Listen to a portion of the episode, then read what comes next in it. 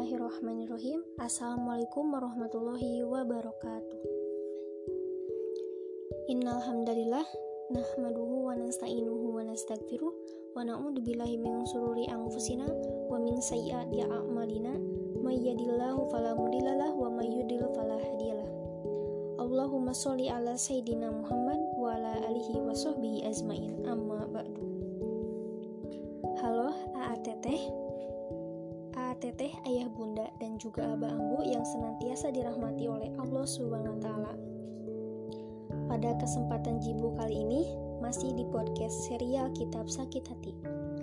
Dan kita akan membahas tentang sum'ah.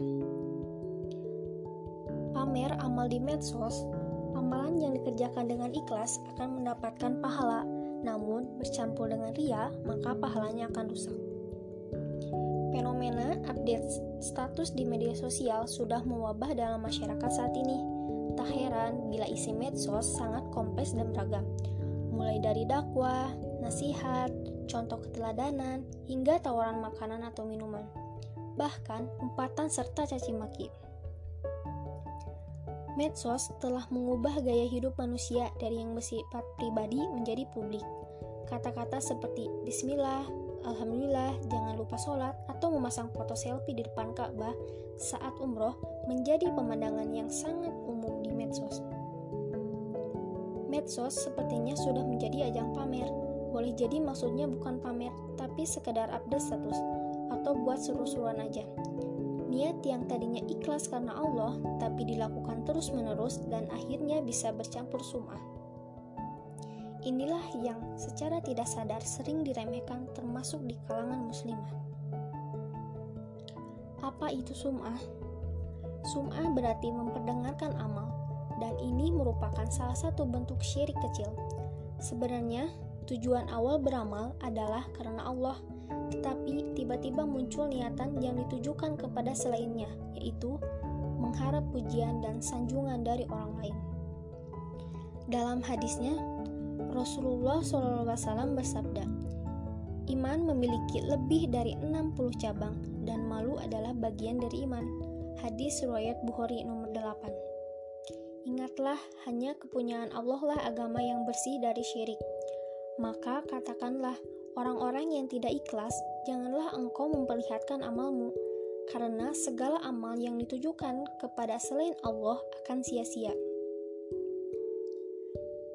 Dari Muaz bin Jabar radhiyallahu anhu diriwayatkan bahwa ia berkata, Rasulullah SAW bersabda, Tidaklah seorang hamba berdiri di dunia ini dalam keadaan berlaku sum'ah dan ria, kecuali Allah akan memperdengarkan aibnya kepada seluruh makhluk pada hari kiamat nanti. Dari hadis ini dijelaskan akan bahaya sum'ah. Amalan yang dikerjakan dengan ikhlas akan mendatangkan pahala, namun, karena bercampur dengan ria, maka tentu saja akan merusak pahala amalan tersebut. Bila merusak salah satu bagian saja, atau bahkan merusak keseluruhan dari amalan pahala amalan itu. Sum'ah itu keinginan agar orang lain mendengarkan bahwa kita melakukan perbuatan baik. Siapa saja yang beramal berdasarkan sum'ah, perbuatan yang hakikatnya hanya untuk Allah SWT semata, malah merosot menjadi butiran tak berarti atau bahkan bisa menjadi syirik yang tersembunyi. Sebab yang melakukan sebuah amal perbuatan agar didengar orang lain dengan harapan menjadi terkenal namanya dengan kebaikan tersebut. Berikut ini gejala yang terjadi bila sifat sum'ah bersemayam dalam diri kita.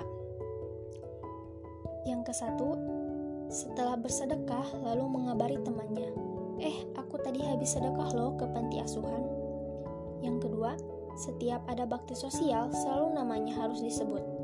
Yang ketiga, akan marah jika gelar haji atau gelar akademis tidak disebut.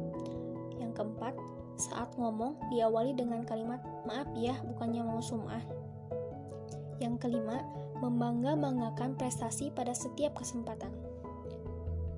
Menghindari sikap sum'ah memanglah bukan perkara yang mudah, Sebab pada dasarnya sifat manusia itu senang dipuji. Hanya orang-orang tertentu berhati ikhlas yang bisa menghindari sifat sum'ah. Nah, berikut ini beberapa cara menghindari sikap sum'ah yang bisa kita praktekkan. Yang ke satu, luruskan niat. Yang kedua, berdoa dan memohon pertolongan kepada Allah SWT. Yang ketiga, menyadari kedudukan diri hanyalah seorang hamba. Yang keempat, berusahalah mengendalikan hati agar tidak terbuai dengan pujian manusia. Yang kelima, memperbanyak bersyukur dan selalu mengingat Allah. Mungkin hanya itu yang dapat Ambu sampaikan. Mohon maaf bila ada kata-kata yang kurang jelas dalam menyampaikan, karena sesungguhnya kesempurnaan hanya milik Allah. Ditutup dengan doa, Robana atina pidunya hasanah wa fil akhirati hasanah wa qina adzabannar. Nun wal qalami wa mayasturun fastabiqul khairat. Wassalamualaikum warahmatullahi wabarakatuh.